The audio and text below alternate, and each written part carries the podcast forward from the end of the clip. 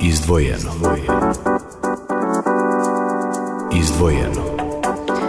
Pomaže Bog, poštovani slušalci radija Slovo Ljubve u nastavku programa. Sa vama su Dragan Radosavljević i Jelena Jež. Informativna služba SPC saopštila juče da je Svjetijejši patrijarh Srpski Porfirije osnovao misionarsko odeljenje Arhijepiskopije Beogradsko-Karlovačke, a ovom odlukom je Centralna eparhija naše pomesne crkve prvi put u svojoj istoriji dobila stručno misionarsko telo koje će delovati pod direktnim nadzorom patrijarha. Sedište ovog misionarskog odeljenja nalazi se pri parohijskom domu crkve Svetog Aleksandra Nevskog na Dorčelu. Za upravnika odeljenja imenovan je prezviter dr. Oliver Subotić. Prota Vajo Jović je koordinator oceka za parohijsku misiju. Đakon dr. Aleksandar Milojkov imenovan je za koordinatora oceka za dijalog u javnoj sferi. Ocek za apologetsku misiju poveren je pravniku master religiologu Zoranu Lukoviću, a ocek za elektronsku misiju informacionom stručnjaku Nenadu Badovincu. Za sekretara misionarskog odeljenja imenovan je informatičar Nebojša Mišević. Odlukom njegove svetosti određeno je između ostalog i da krsna slava misionarskog odeljenja Arhijepiskopije Beogradsko-Karlovačke bude praznik svetih Kirila i Metodija ravnoapostolnih prosvetitelja slovenskih.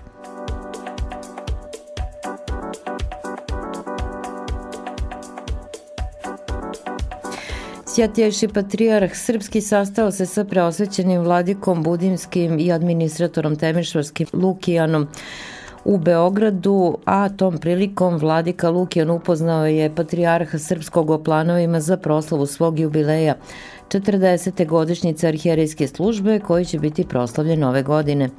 Vladika Lukijan se u Ministarstvu spodnjih poslova Srbije sastavi sa ministrom Dačićem koga je upoznao sa položajem Srpske pravoslavne crkve u Mađarskoj i Rumuniji, kao i sa naporima za što bolje predstavljanje Srbije i srpskog naroda u ovim zemljama. Preosvećeni vikarni episkop Novobrdski Ilarion prisustvovao je sinoć humanitarnom koncertu pod nazivom Veče srpske tradicije u Ruskom domu u Beogradu.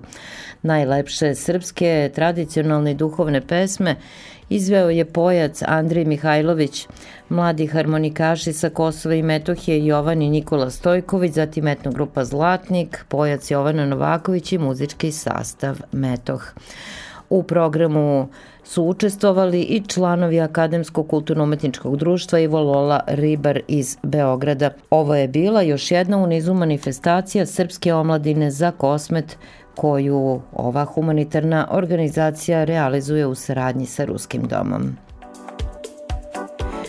Slika Paje Jovanovića, odmor Bašibozuka, kupljena na aukciji londonskog Sotbija, biće javno izložena od 5. marta projekta u konaku knjeginje Ljubice izjavila je danas Jelena Medaković, direktor Muzeja grada Beograda.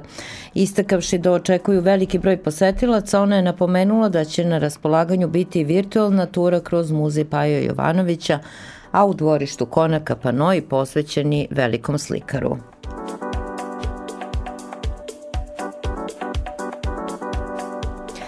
Sveti Sava, kult i kontekst, izložba ikonopisca i profesora Akademije SPC za umetnost i konservaciju Jelene Hinić otvorena je do 13. marta u galeriji Beogradske tvrđave.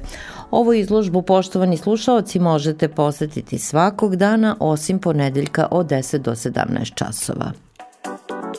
I ovim podsjećanjem završavamo naš infoblog. Pozivamo vas da ostanete i dalje uz vaš radio Slovo Ljubve.